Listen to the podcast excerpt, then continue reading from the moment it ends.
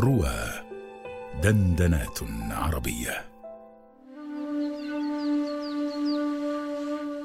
ساعة إجابة مع أروى عثمان على رواه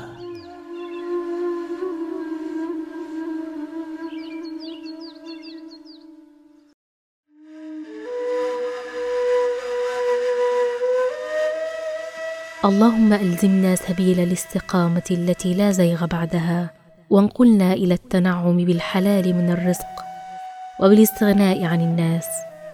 وارفعنا على مرتبة القانتين والخاشعين والصديقين والصالحين واجعلنا من أهل الرضا في الآخرة.